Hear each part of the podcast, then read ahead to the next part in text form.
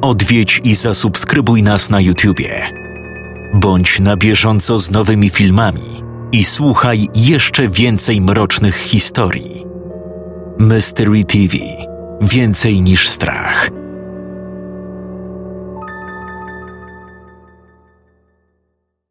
Niniejsza opowieść zawiera brutalne i wulgarne opisy, przez co nie jest odpowiednia dla osób wrażliwych i delikatnych. Wcześniej. Długo będziesz tak klęczał? Ulecz się wreszcie. Rita śmiała się ze mnie, bawiąc się przy tym nożem. Powiedz mi jak, ale miej na uwadze, że cię za to zajebie. Obiecanki cacanki. Skup się na ranie, na tym, co ją stanowi. Wyobraź sobie ją w powiększeniu. Przekieruj trapiący cię ból w to miejsce. Spraw, by twoja esencja zajęła się wyłomem, zasklepiła go. Kurwa jak? Przecież ci mówię! Pomyśl o tym, że nie chcesz tej rany, że jest ona niewłaściwa, zbędna. Pomimo bólu starałem się skupić. Przekierować gniew i frustrację na ranę. Gówno, kurwa mać, to nie działa, nic nie działa. Przewróciłem się z kolan i zwinąłem do pozycji embrionalnej. Kurwa, jak to jebaństwo boli. Nigdy nie czułem takiego bólu, takiej bezsilności. Boli, bo zraniłam ci esencję. Im szybciej się zregenerujesz, tym lepiej dla ciebie. Swoją drogą, nie sądziłam, że jesteś taką pizdą, biskupski. Gdybyś teraz ruszył w teren, nie przeżyłbyś pół dnia. Zajebałby cię nie tyle sam łowca, co gówno tego łowcy. Myślałam, że jesteś twardy, że potrafisz znosić cierpienie. Okazuje się, że wielki Bartosz Biskupski jest zwykłym petem. Ryknąłem wściekle i moje oczy zmieniły się na demoniczne, blado-zielone. Na moment zapomniałem o bólu. Liczyło się tylko, by ta kurwa przestała paplać. Wstałem i rzuciłem się na nią. Bez trudu uniknęła mojego ciosu. Potem kolejnego i jeszcze jednego. Biskupski, ty nie jesteś pizdą, ty jesteś ślimaczą pizdą. W końcu się udało. Chwyciłem ją z całych sił za gardło. Przewróciłem i docisnąłem do podłogi. Rita zdawała się nic sobie z tego nie robić, wciąż uśmiechając się szyderczo. Jednym ruchem dłoni uwolniła się z uścisku i cisnęła mną na drugi koniec sali. Opadłem ciężko na podłogę, ale od razu się z niej podniosłem i ponownie ruszyłem do ataku. Kobieta ziewnęła teatralnie i zatrzymała mnie w pół drogi. Moje ciało po prostu odmówiło posłuszeństwa. Ty suko! Spróbuj się ze mną bez tych swoich sztuczek. Tu nawet przez moment nie chodziło o walkę. Nie? To niby o co? Spójrz na swój brzuch. Zerknąłem i zaskoczyłem się. Po ranie nie było nawet śladu. Jak? Nie potrafisz się skupić, biskupski. Masz naturę berserkera. Kogo? Wśród demonów rozróżnia się dwie główne natury: mnicha i berserkera. Ci pierwsi czerpią swoją siłę ze spokoju i opanowania. Berserkerom natomiast potrzebny jest gniew, mnóstwo gniewu. Gdybym cię nie wkurwiła, godzinami tarzałbyś się po parkiecie. Nie zrobilibyśmy nic pożytecznego. Już? Wystarczy? Mogę cię puścić? Kiwnąłem przytakująco. Gdy Rita zwolniła mentalne więzy, runąłem do przodu, padając twarzą na posadzkę. Wiesz, gdzie popełniłeś błąd, gdy byłeś skuty? No, Skupiłeś się tylko na jednej drodze ucieczki. Miałeś dwie. Zawsze są dwie. No, chyba, że wpadniesz w łapacza demonów, ale to już jest zupełnie osobna kwestia. jak dwie. Nie rozumiem cię. Czym jesteś, biskupski? Demonem. Gówno nie demonem. Czym naprawdę jesteś? Z czego się składasz? Z ciała i. A, no tak. Chyba wiem o co ci chodzi. Więc dlaczego tego nie zrobiłeś? Nie pomyślałem. Poza tym, co z ciałem? Naczynie jest przelotne. Raz to, raz tamto. Ty, co prawda, jesteś trochę wyjątkiem, bo masz swoje własne ciało, no ale do innego też byś w końcu przywykł. Najważniejszym jest chronić esencję. Nigdy nie możesz doprowadzić do tego, by ktoś cię dźgnął metraksem. Nawet czystym, bez zaklęcia. Przekonałeś się już, że to boli. Co prawda, z czasem będzie bolało mniej, ale nadal będzie kurewsko upierdliwe. Jak mam opuścić naczynie? To akurat jest dużo łatwiejsze od leczenia. Wyobraź sobie, że chcesz polecieć. Tu i teraz oderwać się od ziemi i wznieść. Następnie otwórz mordę i to zrób. Posłuchałem jej. Wyobraziłem sobie, że latam. Następnie poczułem pociągnięcie w okolicy żołądka, jak gdybym miał zaraz zwymiotować. Otworzyłem usta i w następnej chwili byłem już pod sufitem w formie blado-zielonego dymu. Widziałem wszystko dokładnie, tak jak widzą demony. Patrząc na Ritę, nie zwracałem uwagi na jej przeklęte naczynie. Spoglądałem wprost na jej silną i gibką esencję. Wszystkie barwy i dźwięki wydawały się być wyostrzone, pełne. Wystarczy. Wracaj do naczynia. Pozwoliłem mojemu instynktowi przejąć stery. Słup dymu stanowiący moją esencję zbliżył się do leżącego ciała i wsunął się do niego przez nos i lekko otwarte usta. Otworzyłem oczy i znów czułem naczynie. Mogłem poruszać palcami. Mogłem chodzić. Byłem kompletny. Brawo, biskupski, ale to akurat był banał. Jeśli chodzi o twoje naczynie, to mam jeszcze jedną ważną informację. Jesteś odporny na egzorcyzmy. Co? Egzorcyzm służy wypędzeniu demona z obcego naczynia, tak? No tak. A twoja esencja znajduje się w swoim własnym ciele, tak? No tak. Dlatego właśnie jesteś odporny. Każda próba wygnania cię spowoduje, co prawda, drobny dyskomfort, ale nie musisz martwić się o szukanie nowego ciała. Coś jeszcze powinienem wiedzieć? W temacie naczynia chyba już wszystko. A nie, poczekaj. Jest jeszcze jedna rzecz. Twoje ciało jest generalnie rzecz biorąc martwe. Ożywia je jedynie esencja. To może być upierdliwe, zwłaszcza gdy będziesz przebywał poza nim dłuższy czas. Naczynie zacznie po prostu gnić. Na szczęście, za każdym razem, gdy wracasz do swojego ciała, proces się cofa. To znaczy, że jeżeli będziesz poza nim przez godzinę, a potem wrócisz, esencja zregeneruje mechanizmy rozkładu zachodzące przez ten czas i przywróci do wartości zero. Dlatego, gdy znów opuścisz naczynie, zacznie ono się rozkładać w tempie, jakbyś dopiero co umarł. Kapisz? Ogarniam. Ale skoro się regeneruje, po co mi o tym mówisz? A jeśli przyjdzie taka sytuacja, że będziesz musiał opuścić swoje naczynie na kilka dni? Wejście do ciała wypełnionego trupim gazem nie jest komfortowe, uwierz mi. A twoje naczynia? Mówiłaś, że masz kilka. Moje są żywe. Utrzymuję przy życiu kilka kobiet, dbam o nie, rozpieszczam. A gdy potrzebuję zmiany imidżu, po prostu opętuję którąś z nich. I one ci na to pozwalają? A mają inne wyjście? Śmierć? Chyba wolałbym umrzeć, niż być jedną z twoich kurtek. Nie mają jak. Są spętane. Zresztą, chodź, pokażę ci. Jak na pierwszy dzień wystarczy ci wrażeń. Poza tym obiecałam, że cię przelecę, a skoro nie lubisz blondynek, i tak muszę zmienić naczynie. Połączymy przyjemne z pożytecznym, bo wyjaśnię co i jak, a ty sam sobie wybierzesz, jaką mnie dzisiaj wolisz.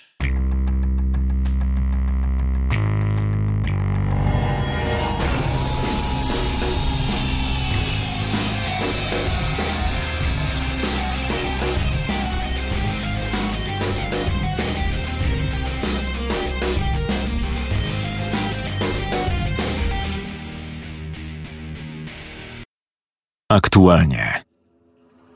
Leżałem na plecach, bardzo głośno dysząc. Wędąca obok Rita również była w podobnym stanie. Oboje nawet nie mieliśmy sił, by zregenerować rany odniesione podczas zabawy. Przeorana głębokimi zadrapaniami klatka piersiowa piekła mnie jak cholera. Lecz był to przyjemny, nawet bardzo przyjemny ból. Naczynie mojej demonicznej towarzyszki natomiast ozdobione było ogromnymi sińcami na gardle, w miejscach, gdzie była przeze mnie podduszana. Często bawiliśmy się w ten sposób, że pozwalała swojemu naczyniu na odzyskanie częściowej kontroli. Opętana kobieta, w przypadku tego naczynia Kasia, a może Basia, chuj je wszystkie wie. W każdym razie Rita pozwalała odzyskać swojej powłoce jaźń jednocześnie pozostając pod pełną kontrolą ciała. Było to kurewsko okrutne względem tej kobiety, bo wykonywała wiele czynności i czuła dosłownie wszystko, nie mogąc zupełnie zareagować. No ale kto by się przejmował ludźmi? Przecież to tylko narzędzia, czy w tym konkretnym przypadku zabawki. Tym razem jednak zrezygnowaliśmy z gier. Była to czysta pasja pomiędzy dwoma demonami. Potrzebowaliśmy tego, zważywszy na to, że mamy ruszyć na wojnę. Chyba już na mnie pora. Jak to śpiewał Freddy, show must go on. Zostań. Mamy jeszcze kilka godzin. Daj mi chwilę, a powtórzymy to i owo. Nie, biskupski. To była puenta naszej znajomości. Zabawiliśmy się, fajnie było, ale musimy iść. Każde w swoją stronę. Ty zaraz będziesz się bawił w rodzinkę, a ja znajdę sobie innego frajera, z którego wycisnę ostatnie soki. Jeśli wiesz, co mam na myśli. Mrugnęła porozumiewawczo, a ja uśmiechnąłem się gorzko. Wcale tak nie myślisz. Odpowiedziałem, łapiąc ją za rękę. Odtrąciła ją i wstała. Odprowadzałem ją wzrokiem, gdy podnosiła i kolejno nakładała porozrzucane po całym pokoju fragmenty garderoby. Z łatwością mógłbym ją teraz przygwoździć i nagiąć do swojej woli. Ale miała rację. Przedstawienie musi trwać. Uważaj na siebie. Odpowiedziała mi wzruszeniem ramionami. Mówię poważnie, Rita. Masz mi się nie dać zabić. Łeb tawki jest w magazynie, w lodówce turystycznej. Raczej się nie zepsuje. Jak ona mnie wkurwiała. Bardzo płynnie podniosłem się z łóżka i dopadłem do niej. Chwyciłem za ramiona i docisnąłem do ściany. Pojebało cię? Puszczaj. Masz mi się nie dać zabić. Rozumiesz? Wsadź sobie swoją troskę w dupę. Nie potrzebuję jej. Za bardzo się zaangażowałeś, biskupski. Byłeś pod ręką. Lubię zielony. Poza tym ktoś musiał rozdziewiczyć to twoje nowe ciało. Skoro je stworzyłam, to sobie z nim robiłam, co chciałam. Ale to się skończyło. Teraz spierdalaj. Odepchnęła mnie i wyszła trzaskając drzwiami. I bądź tu kurwa miły. A niech zdycha i chuj jej w dupę i na imię. Nie mogę być taki roztargniony. Już za kilka dni będę miał Sarę i Roberta. Tylko to się liczy. Podszedłem do szafy i wyjąłem z niej czystą koszulkę, bokserki i jeansowe spodnie. Boruta nie pozwolił mi się zabawić. Idę na zwiady.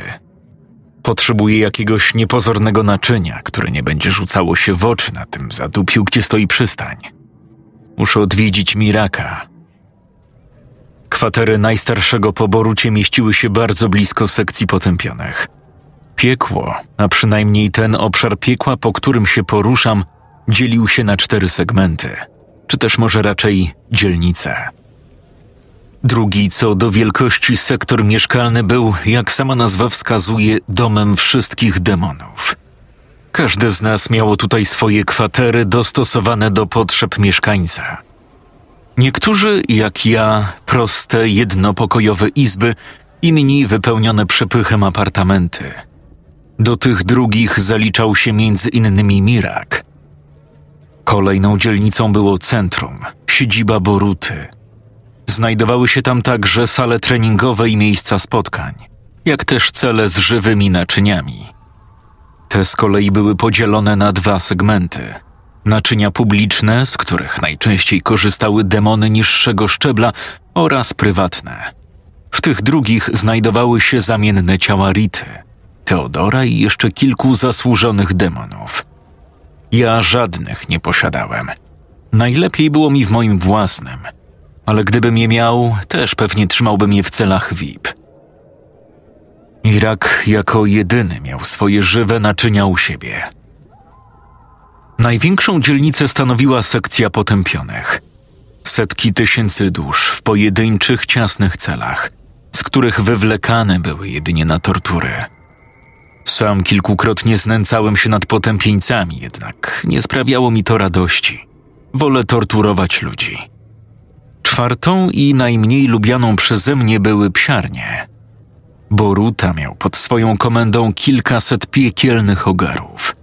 Bezwłosych psów wielkości niedźwiedzia brunatnego, mających za zadanie dostarczanie pakciarzy do piekła. Nie znosiłem ich smrodu. a gdy którykolwiek pojawiał się w pobliżu, moje ciało przeszywał dreszcz.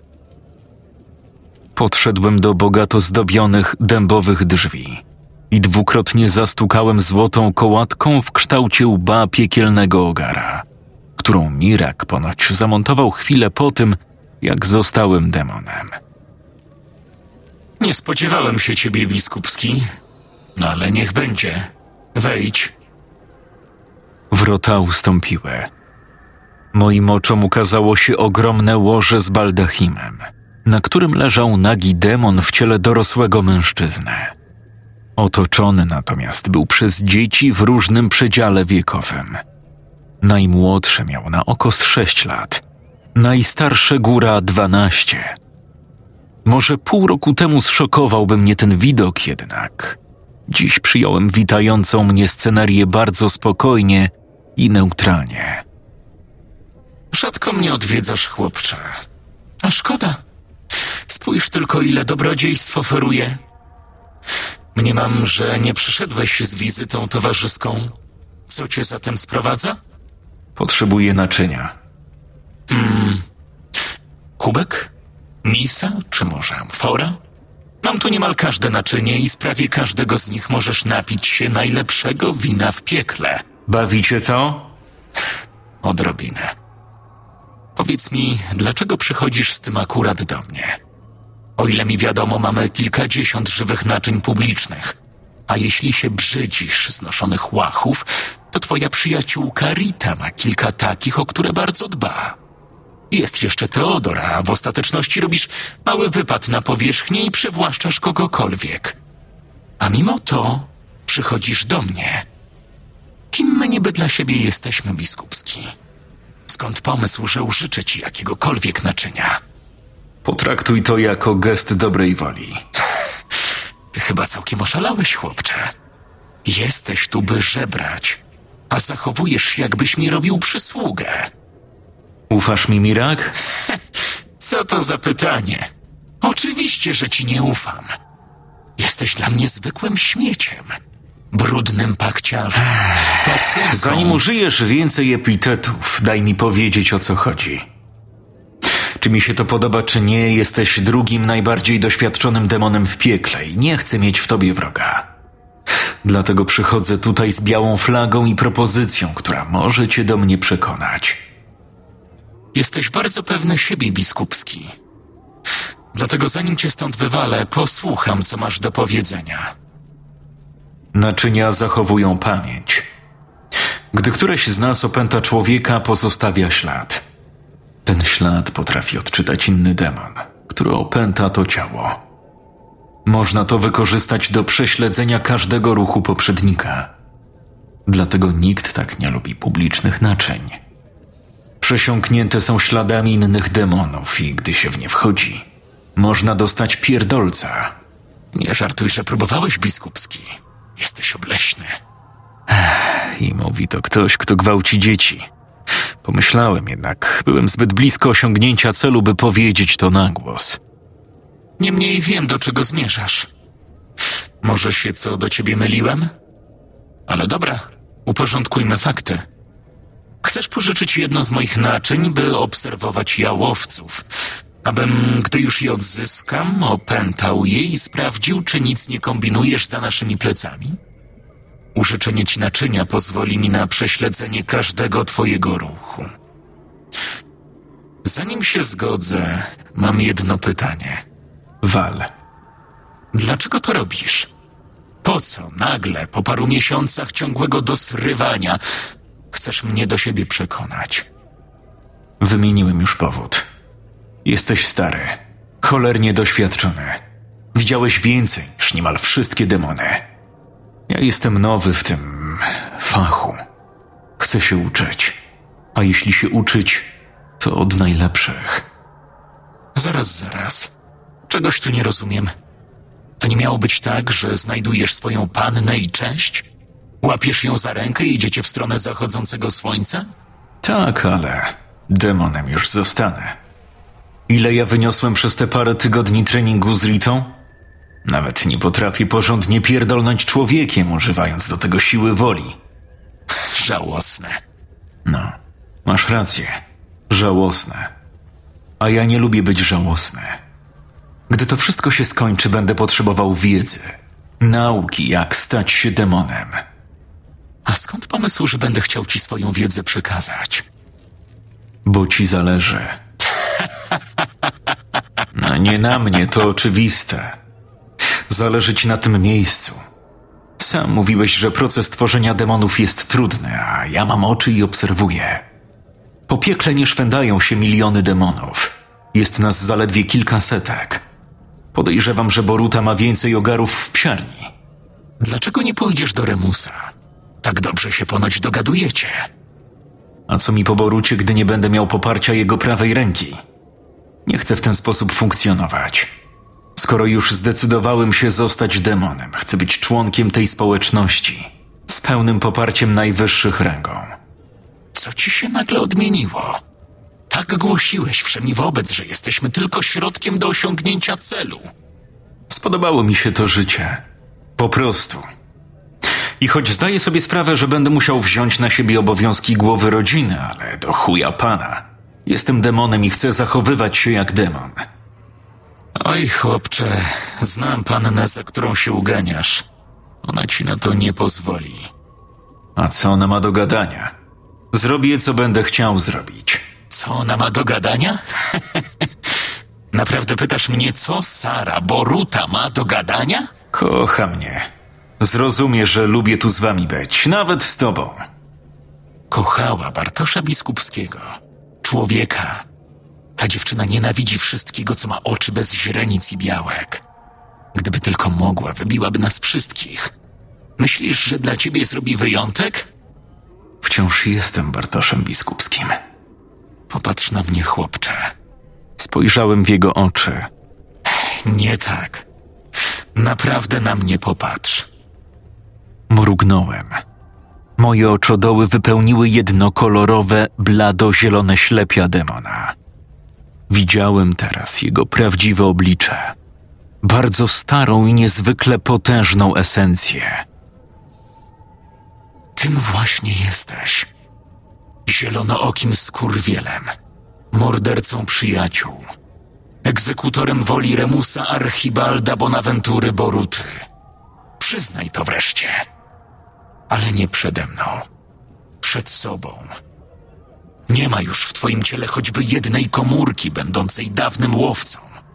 Pogódź się z tym i bądź nam wzmocnieniem.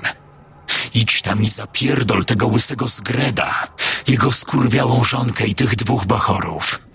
Pokaż, że dawne życie jest dla ciebie niczym splunięcie. Pokaż, że jesteś jednym z nas, a będę traktował cię jak jednego z nas. Bądź demonem biskupski, prawdziwym demonem. Jeśli to udźwigniesz, wróżę ci wspaniałą karierę. Jeżeli nie, lepiej wsadź sobie w oko metraksowy nóż i szczeźnij na miejscu, nie zawracając mi głowy. Daj mi naczynia, osobiście przekonasz się, kim jestem. Mirak wstał i spojrzał na mnie badawczo.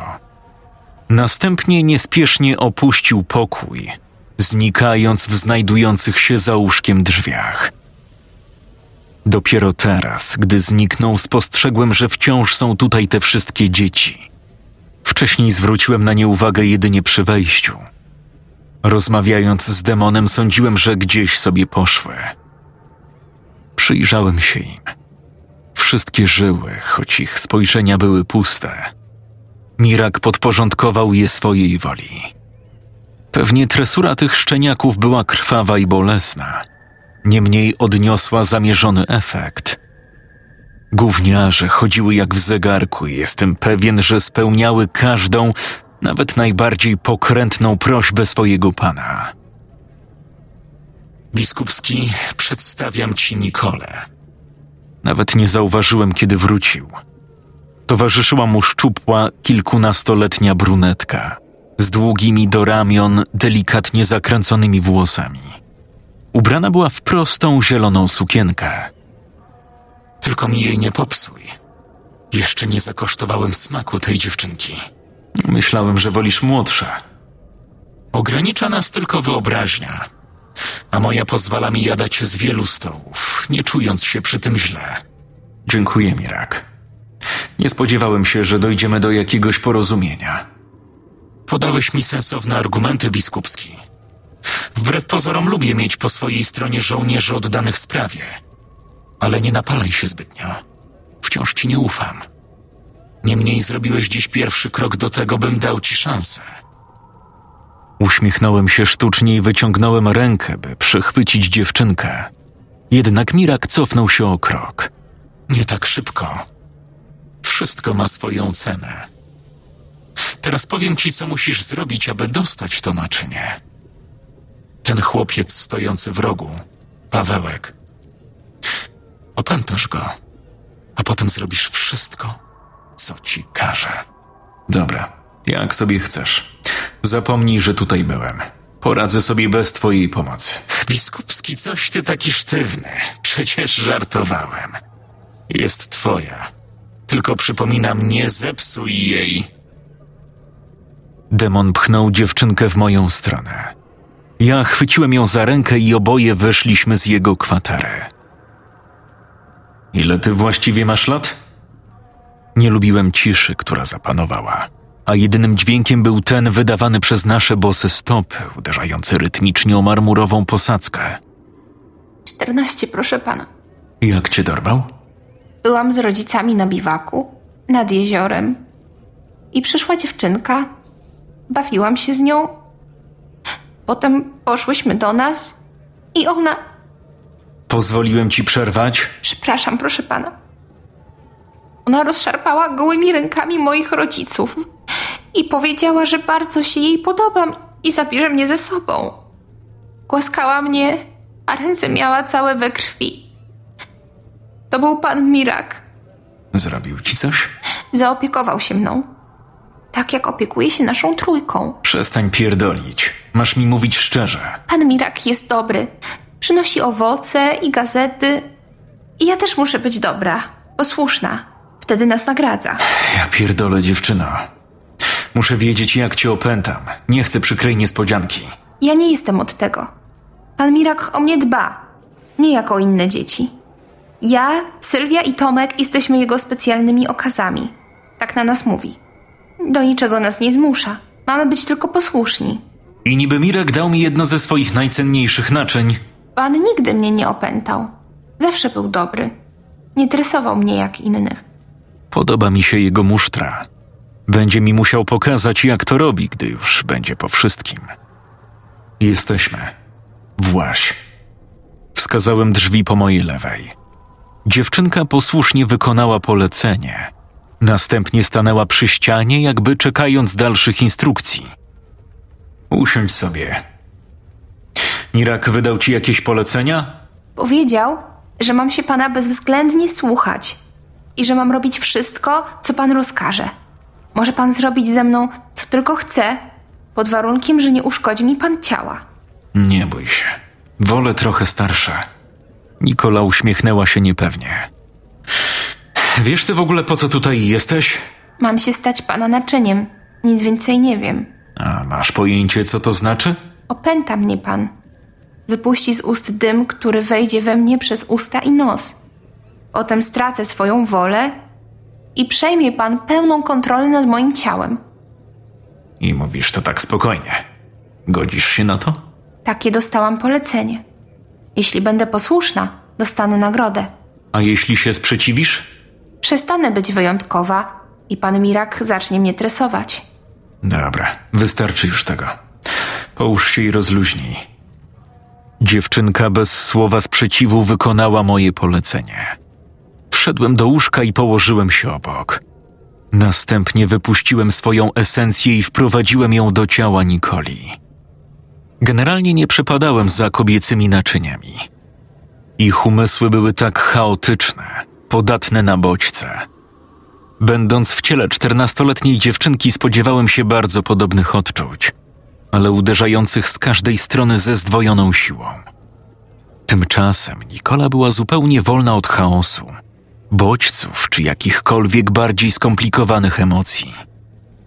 Bliżej było jej do bycia demonem niż człowiekiem. Cholernie ciekawiło mnie, jak Mirak uzyskał taki efekt.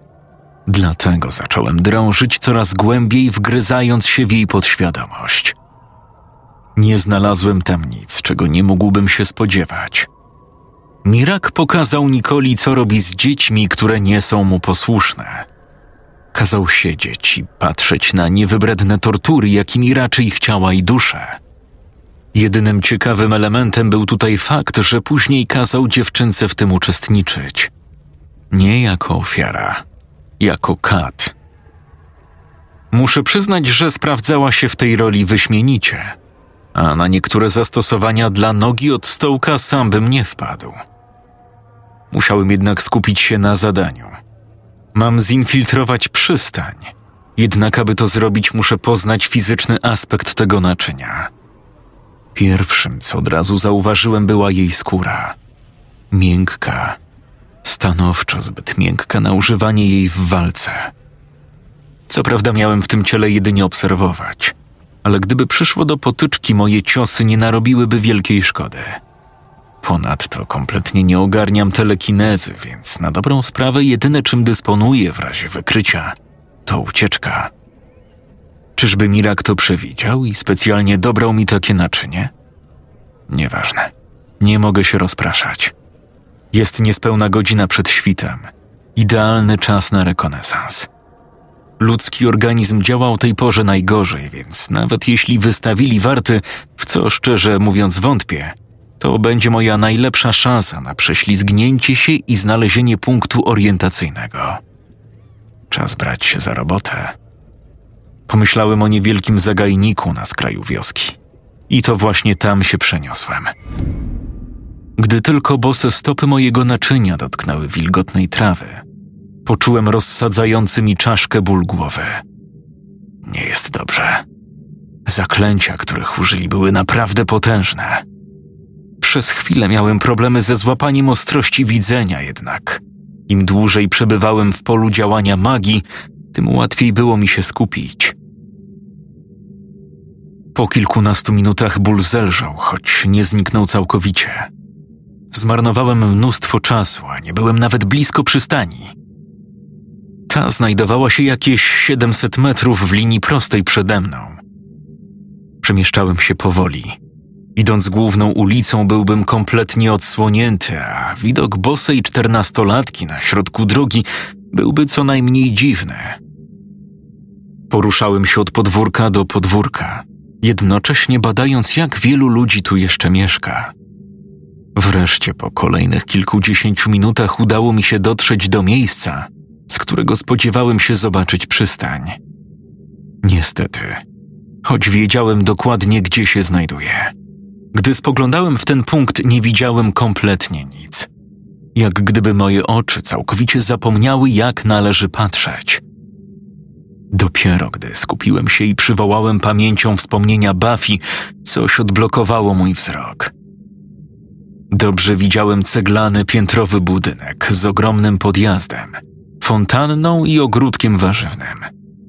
Całość otoczona była żelaznym ogrodzeniem, którego zwieńczenia przypominały groty strzał. Cholerny inżynier już nie spał. Krzątał się po podjeździe i rozmawiał przez telefon. Bałem się, że gdy zobaczę go po takim czasie, wywoła to u mnie jakieś emocje, które uniemożliwią mi wykonanie zadania. Tymczasem nie poczułem zupełnie nic. Od kolejna przeszkoda na mojej drodze, którą trzeba będzie zwyczajnie usunąć. Wślizgnąłem się do jednego z domów, mających okna wychodzące na przystań. Mieszkało tu jakieś stare małżeństwo. Zupełnie nie pamiętam ich nazwiska, ale byli tu zanim jeszcze się urodziłem. Mężczyzna właśnie wstał. Nie był wymagającym przeciwnikiem.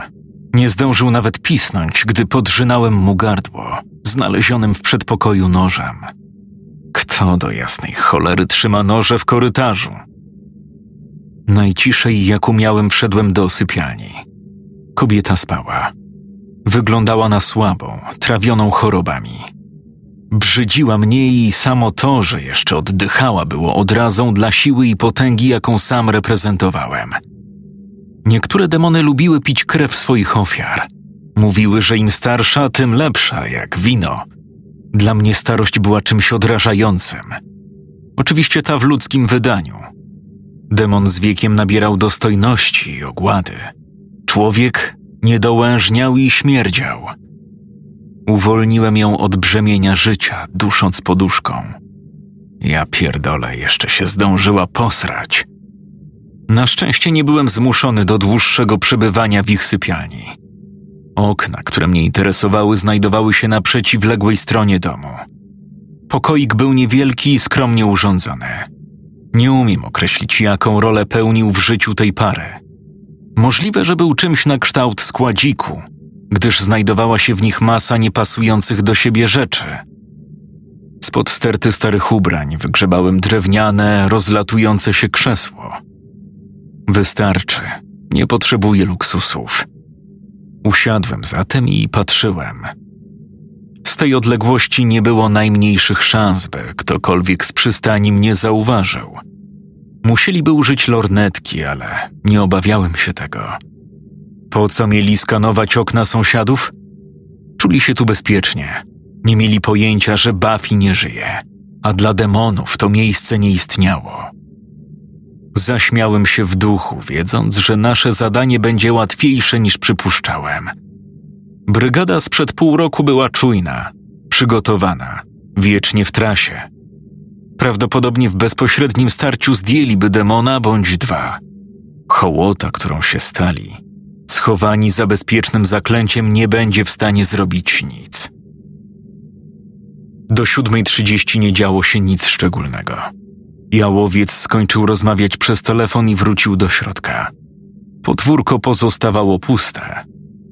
O wpół do ósmej dwie osoby wyszły z domu i wsiadły do będącej na podjeździe czerwonej Toyoty Civic. Litka i Kinia. Dziewczyny zupełnie się nie zmieniły. Gdyby nie to, że muszę trzymać się planu, już teraz wybiegłbym z tego domu i je dokładnie przesłuchał. Tego dnia nie wydarzyło się nic więcej. Było to dla mnie dość dziwne, biorąc pod uwagę, że Teodor i spółka bawią się w najlepsze w różnych częściach kraju. Dziewczyny wróciły po dziewiątej.